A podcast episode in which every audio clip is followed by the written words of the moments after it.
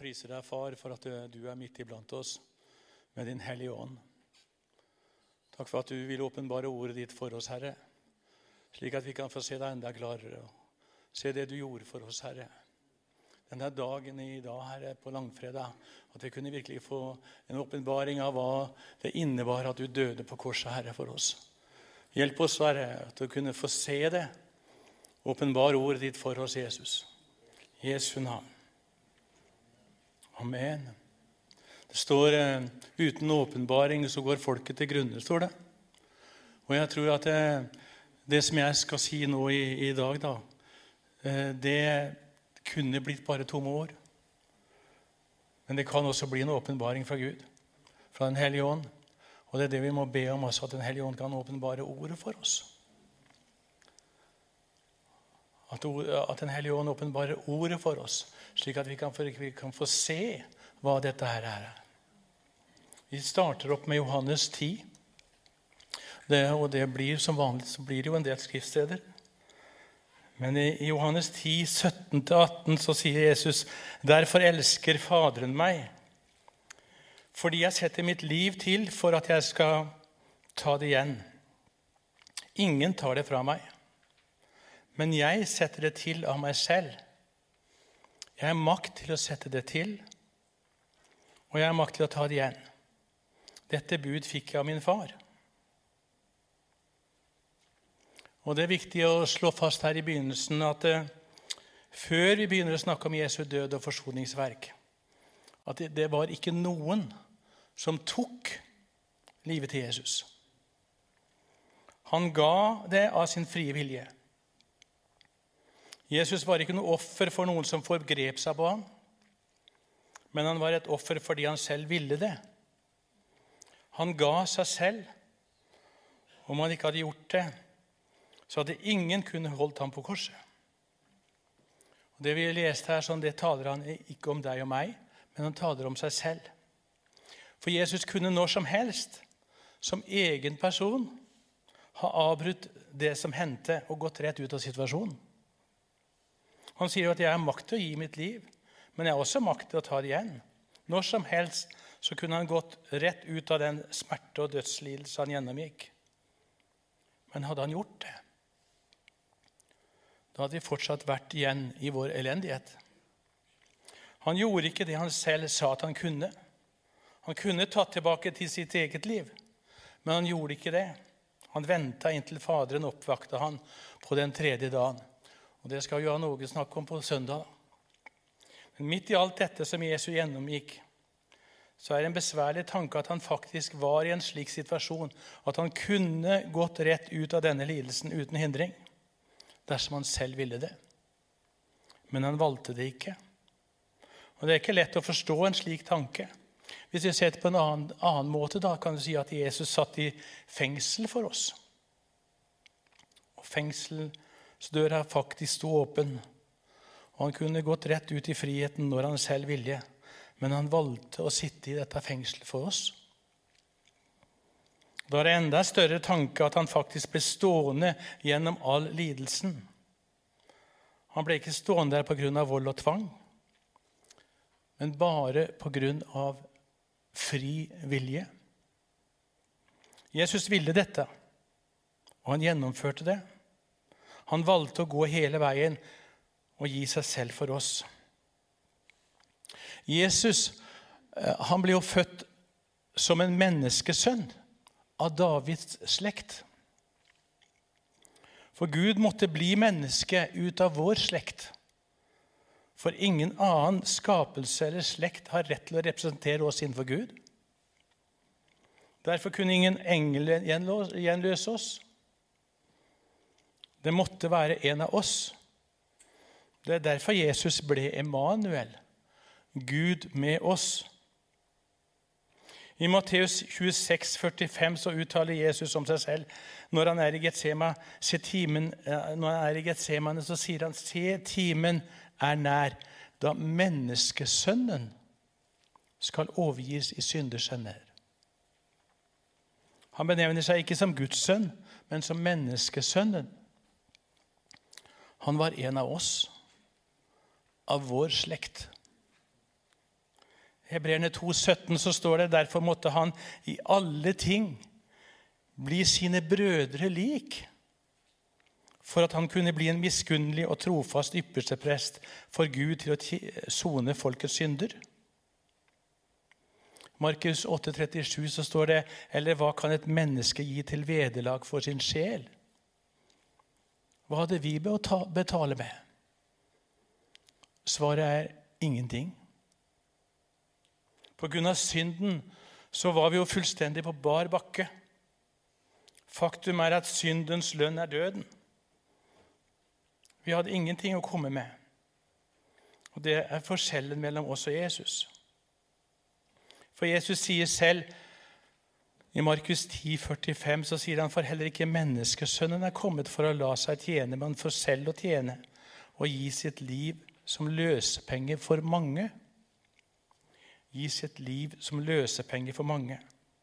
For Jesus hadde noe å betale med, noe som ingen andre hadde. Han var fullstendig ren og rettferdig innenfor Gud, også i egenskap av menneske for han hadde aldri syndet. Han sto rettferdig innenfor Gud som menneskesønnen. Det var det som kunne gjøre hans død annerledes i forhold til andres død. For det er mange andre som har gitt sitt liv for et eller annet opp gjennom tidene. Men det har ikke medført at synden ble tatt bort. Jesus trengte ikke å sone for sin egen synd. Han, som menneskesønnen, hadde levd et rettferdig liv uten synd i sitt liv, og derfor måtte også falske anklager til for å dømme Jesus. Og Guds plan var at Jesus skulle gå inn og ta på seg Han skulle identifisere seg med oss, det falne mennesket. Han skulle bli en av oss i vår falne tilstand.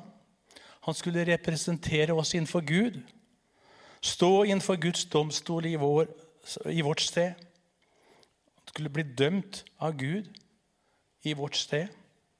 Han skulle ta konsekvensen, straffen, i vårt sted, for på den måten kjøpe oss fri. Dette handler om identifikasjon. Jesus ble det vi var, for at vi skulle bli det han er. Denne identifikasjonen den begynner jo i Getsemane, i vårt sted. I Markus 14 så kan vi jo lese Jesu kamp i Getsemane, hvor han eh, ber og går tilbake til disiplene, og de har jo sovna. Og så går han tilbake igjen og ber og ber, ber igjen. Hele tiden.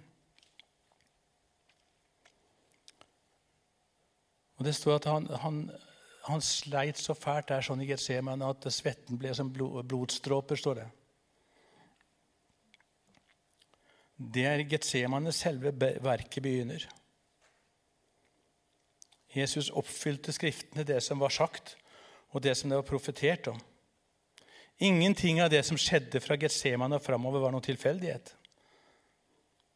Men alt måtte skje for at forsoningen, Jesu stedfortredende verk, skulle være fullstendig fullkomment. Bibelen den viser ikke klart hva Jesus ba. Men der står han ba i lengre tid. Det var jo ikke noen nyhet at Jesus ba til Faderen. Det gjorde han ofte. Han gikk opp i fjellene for å be. Han var borte flere, flere ganger hvor han ba for seg selv til Faderen. Det var naturlig at han henvendte seg til Faderen. Men noe er imidlertid annerledes her. Nå ber han ikke for sin egen del for sitt eget virke. Nei, det er første gang og det er siste gang at Jesus Jesu vilje og Faderens vilje er forskjellig. Det som det her er snakk om, er jo ikke at Jesus ikke visste hva som var Faderens vilje. Han visste meget godt hva Gud ville, og at han skulle drikke dette begeret. Men samtidig ba han ta det bort fra meg. Han ber altså imot hva som er Guds vilje. Men samtidig så sier han i samme stund 'ikke som jeg vil, bare som du vil'. Vi kan lese i Lukas 22, 42-44. Der står det, 'Far, om du vil, så ta dette begeret fra meg.' 'Men la ikke min vilje skje, men din.' Og da viste en engel fra himmelen seg for ham og styrket ham. Han kom i dødsangst og ba enda mer inntrengende, så svetten falt som blodstråper ned på jorden. Hva er den dypeste roten i synden? Vi kan jo tro at det er ondskapen, men det er det ikke. Cecilie leste fra Jesaja og et vers der sånn som står i Jesaja 53, 6, så står det Vi gikk alle vill som sauer. Hver tok sin egen vei. Men skylden som vi alle hadde, lot Herren ramme ham. Jeg sitter ikke så veldig mye til gresk, men jeg har en svensk oversettelse. Der står det vi gingo alle som, så som får. Var og en av oss ville vandre sin egen vei. Synd er ikke noe man bare plutselig gjør. Synd er noe man vil. Man kan bedra seg sjøl så mye som helst og påstå noe annet. Likevel er det slik det er. Vi ville være vår egen herre. Vi ville ikke være under noen eller noe. All synd som begås, behøver ikke være direkte ond. Når Adam og Eva plukka frukten og spiste av den, så var ikke den ond i seg selv. Men synden lå i å velge sin egen vei. Være uavhengig. Den dypeste roten i synden det er å ville være uavhengig og gå sin egen vei. Og det var Jesus begynte å ta på seg allerede i Getsemane. Det var her han begynte vår stedfortredende vei. Det var her hans frelsesverk begynte for oss. På den ene siden så vet han hva som er Guds vilje, men på den andre siden så er det noe som sier nei, det vil jeg ikke. Han blir med andre ord slik som du og jeg i Getsemane. Vi som har sagt nei. Det er dette Jesus går inn i kampen om. Det er viktig å forstå nemlig at når Jesus gjør dette, så gjør han det for deg og meg. Alt det Jesus går igjennom, er for vår skyld. Mange ganger så har vi sagt nei til hva som er rett, og gjort noe annet enn hva som vi vet er rett. Å vinne seier over kjøttet selv, vår vilje, det er umulig. Vår Vårt eneste håp for at vi skal kunne komme til fullstendig frihet, det har sin grunn og sin årsak i Hans verk. Jeg har en, en eh, bekjent av meg som stadig vekk må komme med besvergelser og banneord. Og Så sier jeg du må slutte med det der. Det er ikke riktig. Nei, men det bare kommer. Jeg har ikke noe kontroll på det. Det bare kommer plutselig. Nei, det er noe vi vil. Det er noe vi kan la være. Og i, ved hans verk så har vi frihet over synd. Men det som vi, når vi ser i, i Getseman, så står det fra nå av er det oss det handler om. Alt som skjer, og som Jesus går igjennom, er for vår skyld. Og han sier i Markus 14, 36, så sier han Abba, far, alt er mulig for deg. Ta dette begeret fra meg, men ikke som jeg vil, bare som du vil. Han snakker om dette begeret. Han sier ikke et ord om korset, om piskingen, at han skulle bli hånet, spyttet på. Det han skulle gå gjennom rent fysisk, det sier han ikke noe om. Men han sier, 'Ta dette begeret fra meg', sier han. I Åpenbaringen 14,9 kan vi lese noe om hva dette begeret er. Der står det en tredje engel fulgte etter dem og ropte med høy ryst om noen tilber dyret og bildet av det som tar imot merket på pannen eller hånden. Skal han få drikke av Guds vredesvin, som er skjenket opp ublandet i hans harmes beger, og han skal pines med ild og svovel. Det er dette begeret som Jesus snakker om i Getsemane. Det er egentlig Guds vredesvin pines med ild og svovel. Det er Guds dom over synden. Det er dette som Jesus selv gruer seg for, som han rygger tilbake for, og som han ber om å få slippe. For Bibelen sier Hebreerne 10,31 så sier han det er forferdelig å falle i den levende Guds hender. Det at han som stedfortreder frivillig lar seg falle i den levende Guds hender, full av verdens synd. Det er dette som er det største offeret som Jesus sier, som det som Jesus gir. Det er konsekvensen av synden. Jesus sier, 'Jeg vil ikke', men i samme stund ikke som jeg vil, men som du vil, Herre. Romerne 8, 6 til syv så står det For det kjøttet vil, er død. Men det ånden vil, er liv og fred. Derfor er det som kjøttet vil, fiendskap mot Gud, for det bøyer seg ikke under Guds lov og kan heller ikke gjøre det. Det var dette som Jesus tok på seg. For å kunne, kunne gå til korset. For å dø for våre synder.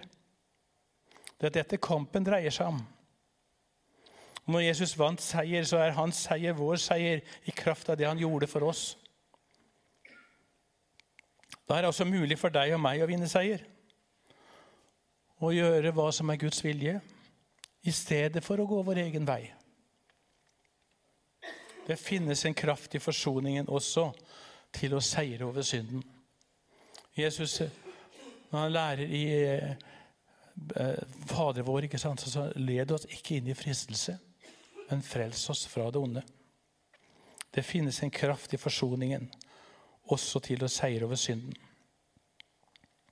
Og Når så Judas og soldatene kommer, så ser man klart at Jesus ikke faller for noen. I stedet så viser det seg at han gir seg selv som et frivillig offer. Vi ser når han blir tatt til fange, og Peter hogger øret av øversteprestens tjener, så sier Jesus i Johannes 18, 11, Skulle jeg ikke tømme det begeret min far har gitt meg? Det viser at Jesus nå er kommet igjennom. Nå er det en helt annen tone, for han har vunnet seier.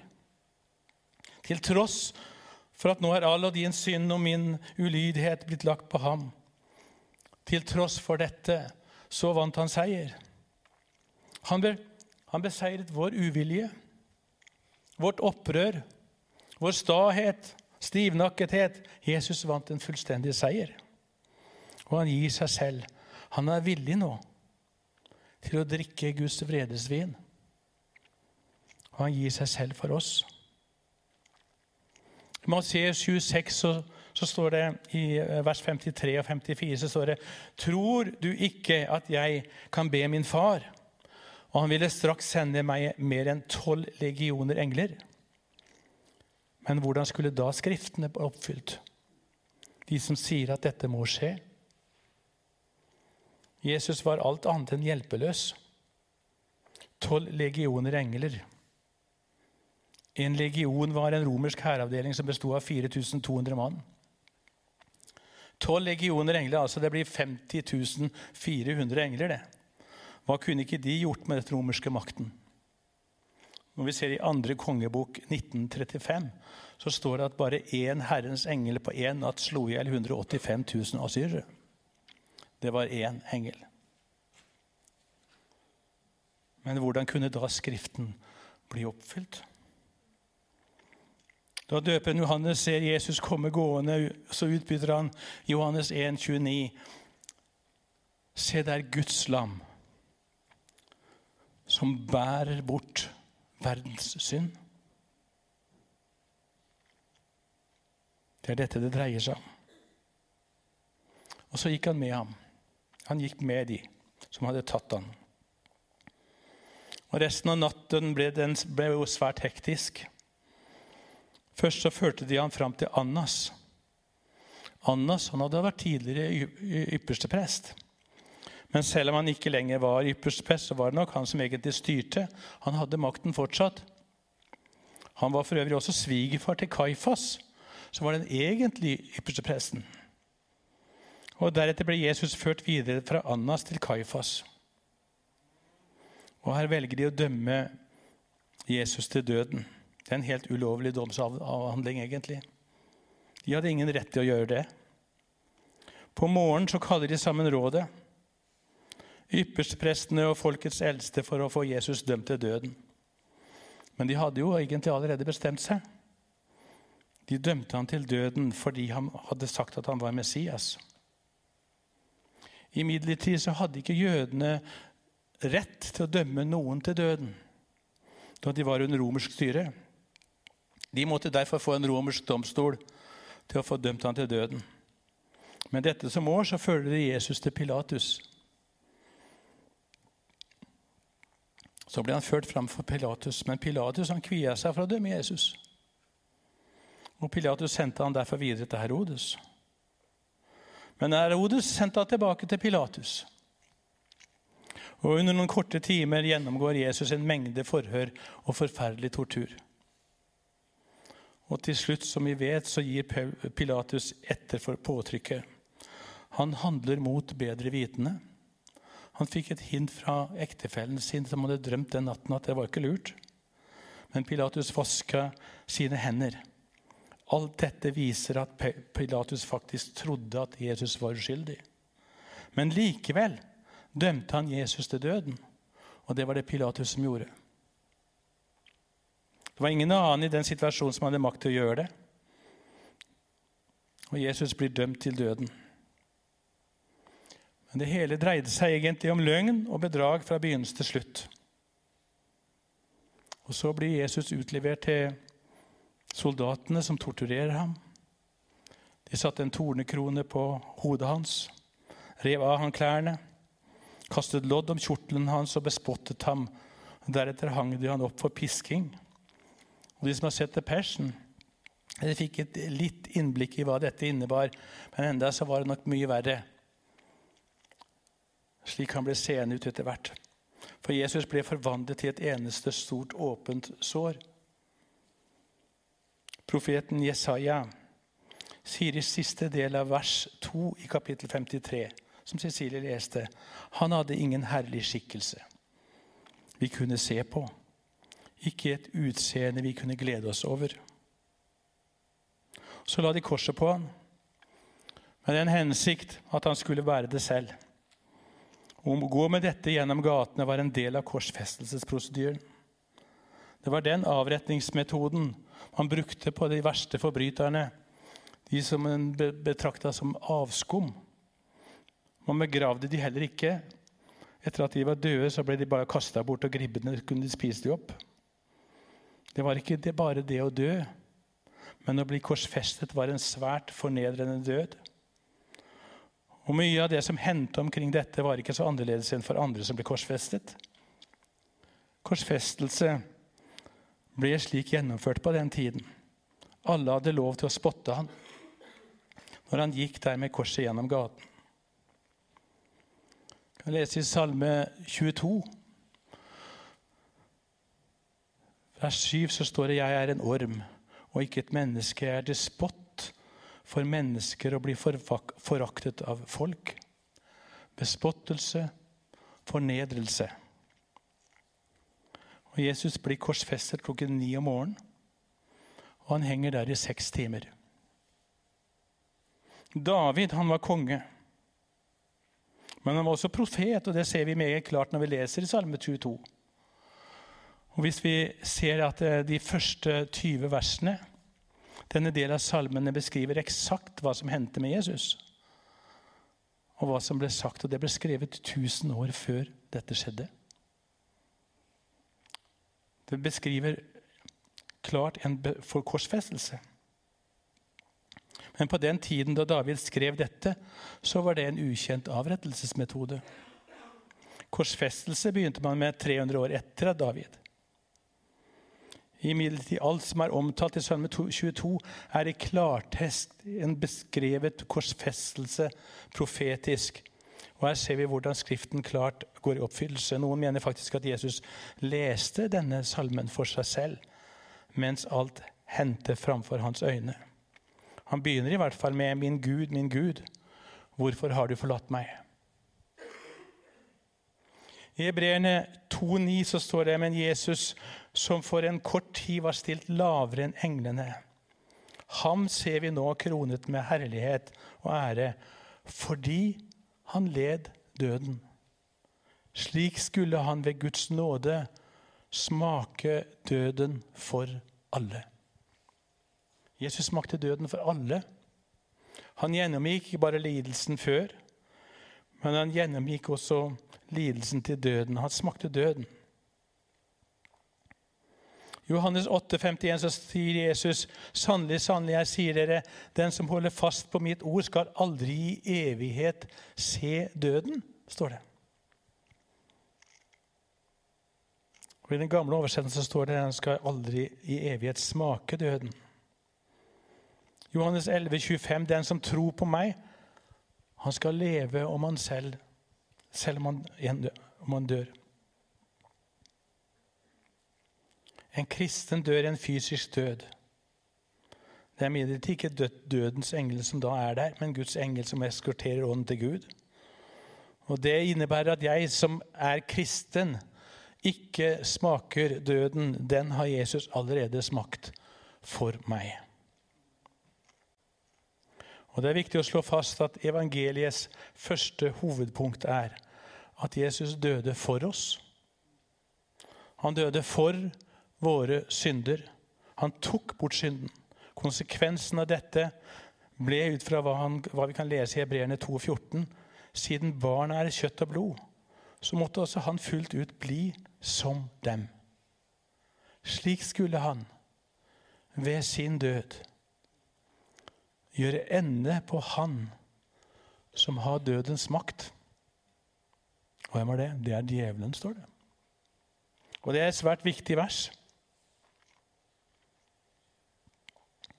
svenske oversettelse står det for at han gjennom sin død skulle gjøre dens makt om intet, som hadde døden i sin vold. Det er djevelen. Forstår du hvorfor djevelen syns det er veldig ok om vi tok fokuset bort fra det at Jesus døde? Bibelen sier at gjennom hans død så ble djevelens makt tilintetgjort. Djevelen er beseiret en gang for alle. Hans makt er tilintetgjort. Det var ikke det han gjennomgikk før sin død, men det at han døde, selve døden, det var dette som gjorde at djevelens makt ble tilintetgjort. Så lenge du lever, la ingen ta det fra deg, for djevelen ble beseiret en gang for alle tider. Seieren besto i at djevelens lovlige makt og autoritet i verden opphørte.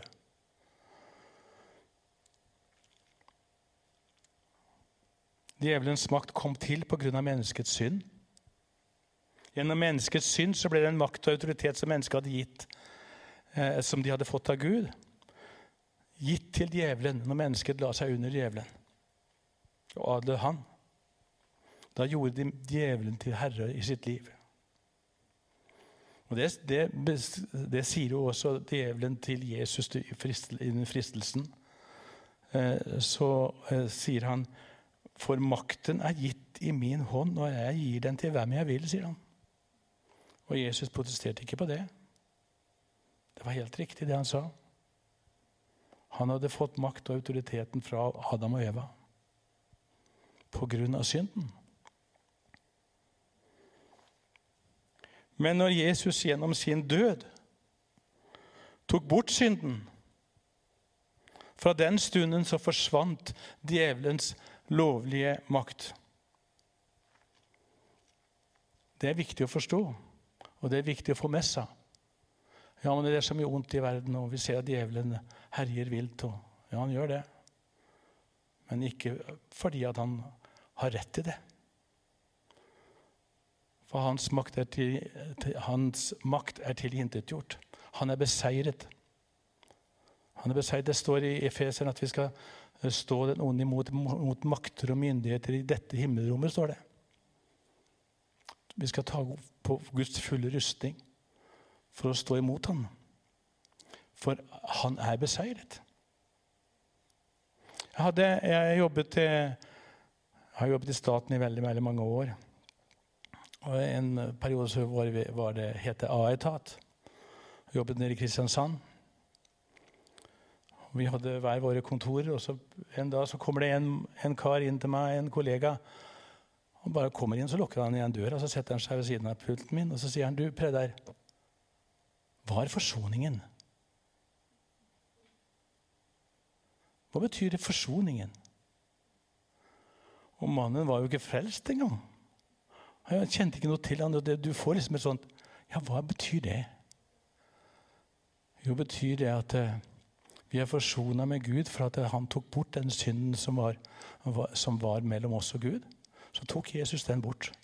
Og så ble vi forsona med Gud. Ja vel, sier han. Så reiste han seg opp. Så gikk han ut av kontoret. Om Gud kunne åpenbart det for oss, alle sammen, hva det egentlig betyr. For mens vi ennå var Guds fiender, så ble vi forsonet med ham ved hans sønns død. Og når vi er forsonet, hvor mye mer skal vi ikke da bli frelst ved hans liv? Ble vi forsonet med ham ved hans sønns død? Jeg jobbet eh, noen år i eh, inkasso. Og Det hendte at eh, noen av disse inkassosakene gikk til forliksrådet. Og Noen ganger så møtte ikke motparten opp. da. Og Da ble det avsagt en uteblivelsesdom, som var rettskraftig. Men noen ganger så møtte begge partene opp. Og så var det, Den ene hadde det å gi, og den andre hadde det å gi. Og Så ble det snakk om at de kunne bli forlikt. Vi er forsonet med Gud. Vi er forlikt med Gud. Vi kommer inn for dette rådet, og så sier Gud, 'Hva har du å fare med, da?' Jeg har egentlig ikke noen ting, jeg. Men jeg har Jesus. Og det han gjorde for oss. Og da sier han, 'Ja, men det holder.' Det holder.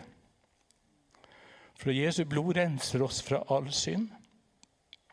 Og På grunn av Jesus så erklæres vi for rettferdige innenfor Gud. Ikke fordi at vi har fått det til, men fordi han fikk det til. Fordi han tok den delen.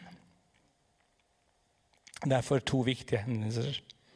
Hendelser som skjedde ved Jesu død på korset. nemlig Det ene er at djevelens makt ble tilintetgjort.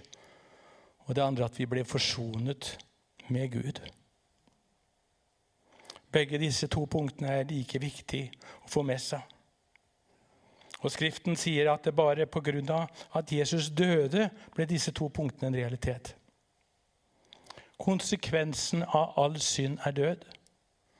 Syndens lønn er døden. Derfor måtte også Jesus dø da han ble vår stedfortreder. Når du har syndet, så må du da rense kroppen. Må du da vaske kroppen? Nei. Det er jo ditt hjerte som trenger å bli renset når du har syndet. Kan du synde uten at det berører ditt hjerte? Er synden noe som er utenpå? Nei, synden er noe som ligger dypt i mennesket og berører hele mennesket. Men Jesus kom for å frelse oss fra synden. Eneste veien var at han selv gikk døden for, i døden for oss. Og etter å ha hengt på korset i seks timer Rett før Jesus oppga sin ånd, så roper Jesus Det er fullbrakt. Så står det så oppga han sin ånd og døde. Det er fullført. Og det ropte han rett før han døde. Men det er vanskelig å rope noen etter han er død. Bibelen sier at det var gjennom hans død at vi ble forsonet. Det var gjennom hans død at djevelens makt ble tilintetgjort. Det er ikke bare de timene på korset det handler om, men like mye fortsettelsen når Jesus virkelig døde. Han ga opp ånden og døde, og hans kropp ble lagt i graven. I Galaterne 3, 13 så står det 'Forbannet er hver den som henger på et tre'. Å være forbannet betyr å være avskrevet. Korset var ingen velsignet plass for Jesus, for han var korset en forbannelse. Vi derimot kan jo se på korset som en velsignelse for oss. Vi syntes det var kjempefint å få det korset bak på scenen her. sånn. Og vi syns det er fint at vi kan henge det rundt halsen. Men for Jesus var det ingen velsignelse. For han var det en forbannelse. Og Det vi har snakket om her sånn Sammendraget, oppsummeringen, det kan vi lese i 2. Korinterne 5, 25, 21. 5, 21. Han som ikke visste av synd, har han gjort til synd for oss for at vi i ham skulle få Guds rettferdighet. Gjort til synd for oss for at vi i ham skulle få Guds rettferdighet. Og det er vår stilling innenfor Gud. Om vi har tatt vår tilflukt til Han og gitt Han vårt ja. Det finnes ingen annen vei. Det kan godt komme opp hvis dere går mot avslutningen nå, i hvert fall. Å ta imot Jesus Kristus i sitt liv og gi han sitt ja, det er den eneste muligheten for å kunne bli erklært rettferdig innenfor Gud. Johannes 1,12 så står det alle som tok imot ham. Dem ga han rett til å bli Guds barn, de som tror på hans navn. Og Da, da må jeg stille spørsmålet hvor står du i dette? Dette blir jo sendt ut utover, utover de som er her også.